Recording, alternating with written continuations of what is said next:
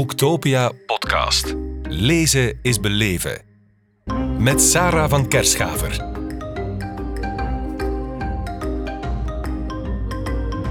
Thomas Serin, welkom in onze podcast op Boektopia in Kortrijk. hallo. Hallo. Ja, als muziekfilosoof schreef jij Hoor, uitgegeven bij Houtenkiet. Vertel, hoe word je muziekfilosoof? Ja, muziekfilosofie is eigenlijk een, een effectief een academisch vakgebied Oh, binnen de kunstfilosofie. Eh, maar er, eh, ja, ik heb filosofie gestudeerd. Ik heb altijd heel veel gewerkt rond eh, muziek. En ja, muziekfilosofie is eigenlijk een beetje een, een vakgebied dat zo wat tussen muziekpsychologie en muziekwetenschap zit. Mhm. ik, ik definieer het meestal als een, een vakgebied dat fundamentele vragen over muziek stelt. Dus, Fantastisch, klinkt interessant. En zo was ook jouw boek. Je eerste boek heette Klank en nu is er Hoor. Of is dat geen muziek? Op welke eh, trip of gedachtenspoor wil je lezers graag meenemen? Ah, Ik wil eigenlijk lezers vooral eh, stimuleren om hun luistergedrag te openen, eh, om een beetje aan de slag te gaan met je eigen luisterkwaliteiten. Veel mensen luisteren naar, vooral naar muziek die heel vertrouwd klinkt. En ik wil eigenlijk mensen leren om ook te luisteren naar dingen die ze misschien niet echt kennen en niet echt altijd kunnen appreciëren. Maar door er naar te luisteren en over te lezen, kunnen ze wel beter leren, ja, leren kennen hoe dat ze eigenlijk eh, gevormd zijn in hun luisteren. En dat wil ik vooral eh, stimuleren. Ja, want als we eerlijk zijn, we worden altijd teruggestuurd naar datgene wat we kennen, hè, via algoritmes, hè, op eh, Spotify op streamingdiensten. Zijn er bepaalde tips die jij zou kunnen geven om uit die muzikale bubbel te geraken? Ja, het is inderdaad opvallend vandaag. Er is zoveel muziek aanwezig, maar eh, door, ja, door heel veel algoritmes en zo worden we altijd in dezelfde bubbel eh, gegooid. Ik denk dat het vooral belangrijk is om een open houding ook eh, te starten vanuit een, een, een geschiedenis leren kennen. Eh, er is een geschiedenis van muziek die eh, heel lang is en je kan erover lezen op, op Wikipedia bijvoorbeeld al.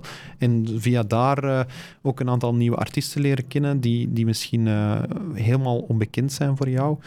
die je niet zo rap via Spotify misschien gaat Mhm. tegenkomen. Dus ik denk, dat is een eerste stap. Mijn boek is daar ook een, een, een, een- heeft, dat, heeft dat ook tot doel om, om echt... eh, als je echt iets wilt leren kennen dat je niet kent, denk ik dat mijn boek daar ideaal voor is. eh, om, om, om een soort bubbeldoorbreking te, te hebben. Ehm, maar ook ja, opzoeken vanuit genres is soms wel interessant. Eh, er, er is zo'n lijst aanwezig op het internet met alle genres van muziek. Als je zo van elk genre eens een keer iets laat We zijn het er. Ah, er zijn er ja, officieel rond de, rond de duizend zoiets. Maar, maar het is, het is, er is zo'n site, eh, musicmap.info, interessant, eh, waar zo'n heel, via mindmap helemaal wordt voorgesteld hoe dat alle genres aan elkaar eh, gelinkt worden. Ga van eh zoukmuziek tot harsh noise muziek tot eh aleatorische muziek. heel breed. En de jingle van eh, Booktopia, welk genre zou je dat eh, plaatsen? Goh ja, ze noemen dat ook wel soundmarks. hè. Dus soort... Soundmark, oké. Ja, eh, je hebt echt een missie. hè. Je wil mensen beter laten luisteren, onze auditieve flexibiliteit vergroten. Luisteren wij nu te star of te conservatief? Goh, ik denk dat we vooral eh, te vertrouwd luisteren in de omgeving ehm, waar we nu in zitten. Er is zoveel afleiding. Ehm, we- worden eigenlijk... eh, er is niet zoveel momenten dat we eigenlijk heel actief op zoek gaan naar nieuwe muziek, omdat er gewoon geen tijd voor is Mhm. soms ook. Dus ik, ja, ik, ik ga dat verder, zeker niet op het individu steken. Ik denk dat de omgeving het gewoon niet altijd eh, stimuleert. En mijn boek is er een optie toe om dat wel te doen. Ehm, natuurlijk, we leven sowieso in een heel visuele wereld, dus ik denk we worden sowieso eh, heel hard afgeleid door beelden. Dat is niet altijd evident om, om met je luistergraag aan de slag te gaan. En dan gaat het ook rapper, denk ik, in een, in een, eh, omge allee, in een omgeving terechtkomen waar dat we gewoon uit ontspanning en, en uit vertrouwdheid gaan luisteren. Ehm, ik, ik vind dat ergens jammer, omdat het, eh, omdat het daardoor eh, soms ook moeilijker is om anderen te begrijpen in hun muzikale smaak. Ik denk dat iedereen wel in zijn familie of in zijn vriendenkring iemand eh, kent die bijvoorbeeld naar eh, heel obscure metalmuziek luistert of zo, en dan zoiets heeft van, hm, ik snap er niks van. Mhm. Ehm, ja, te- door, door beter te begrijpen, ehm, of, of door te luisteren naar ook die muziek, kan je misschien beter begrijpen waarom dat die persoon daarvan houdt. Ja, want eh, je maakt ook zelf muziek bij onder meer Bad Eyes. Mhm. Ehm, heeft het schrijven en denken over muziek jou anders geleerd om met muziek om te gaan? En ben je een andere muzikant geworden door die twee boeken? Ehm, ik, ik, zie die, ik zie die zaken soms wel zo'n beetje eh, als aparte. eh, allee, ik- het heeft, heeft wel invloed op elkaar, maar ik ben een drummer en ik, ik wil vooral uit een soort emotionele noodzaak drummen. Ik kijk Mhm. wel op een andere manier naar hoe dat we die muziek schrijven.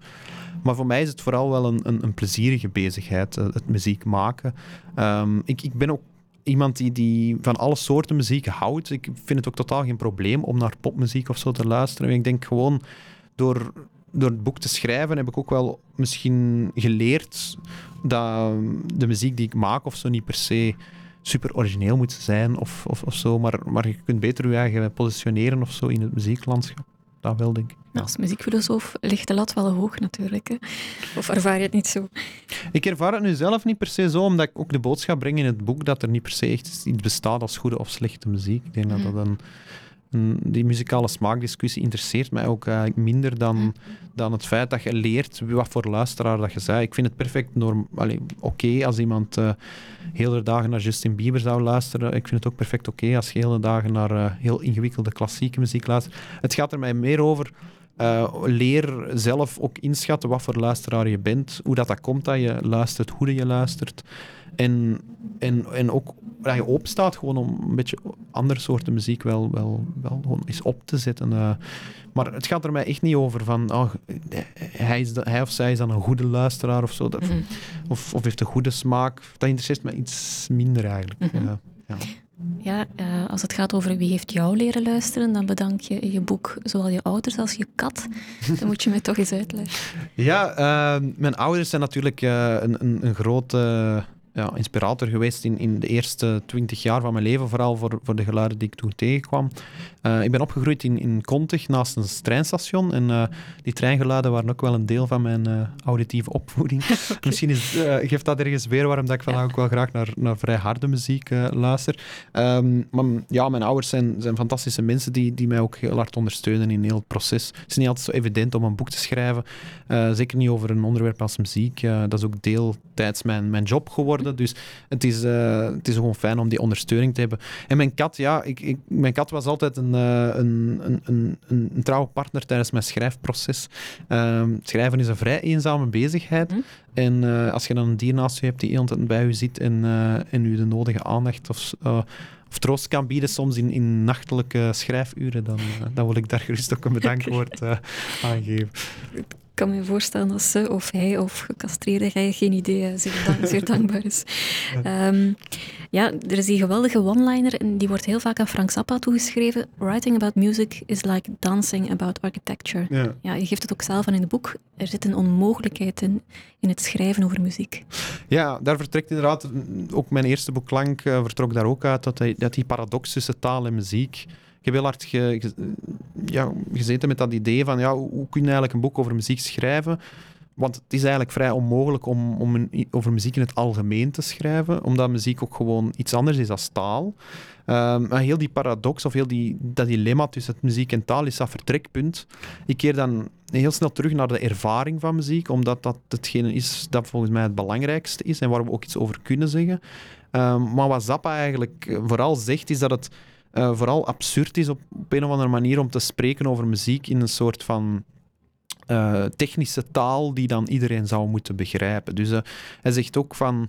ehm, het is beter om eigenlijk ons luistergedrag, om ons luisteren vooral te ontwikkelen en, en daar meer ehm, begrip voor elkaar te gaan krijgen dan, dan echt zo'n een, een soort idee te hebben dat we de muziek eh, van iemand, of dat dan nu Beethoven is of, of dat dan nu Nirvana is of zo, om, om dat dan echt te begrijpen in zijn essentie. Dat, dat heeft ook te maken met het feit dat, dat muziek niet zoiets is als bijvoorbeeld een, een voorwerp dat je kan bestuderen in een labo of zo. Mhm. Dat vind ik ook belangrijk om te benadrukken. Muziek is voor mij een betekenis die eigenlijk ontstaat wanneer dat we in contact komen met geluid. En die betekenis ontwikkelt zich eh, in, op verschillende manieren in onze beleving. En in mijn boeken ga ik eigenlijk vooral daarop in. Eh, het is geen eh, muziektechnisch boek. Het gaat echt over de ervaring van, van geluid en muziek. En over hoe dat cultuur en biologie daar ook een, rol in speelt. In, in waarom dat de ene wel bijvoorbeeld in bepaalde harde metalmuziek een betekenis ervaart en, en de andere niet. Het gaat eigenlijk echt over een, een, een, een zoektocht naar onze eigen... eh, de kennis over ons eigen mens zijn eigenlijk. Een deel, een- een- het is eigenlijk een heel antropologisch boek. Oké, mooi. Crossing eh, genres. Eh, Thomas Serin, heel veel dank om betekenis te geven aan wat we horen met je boek Hoor. Dankjewel. Boektopia podcast. Lezen is beleven. Beluister ook de andere podcasts live opgenomen op Boektopia 2022. Nu via je favoriete podcast-app.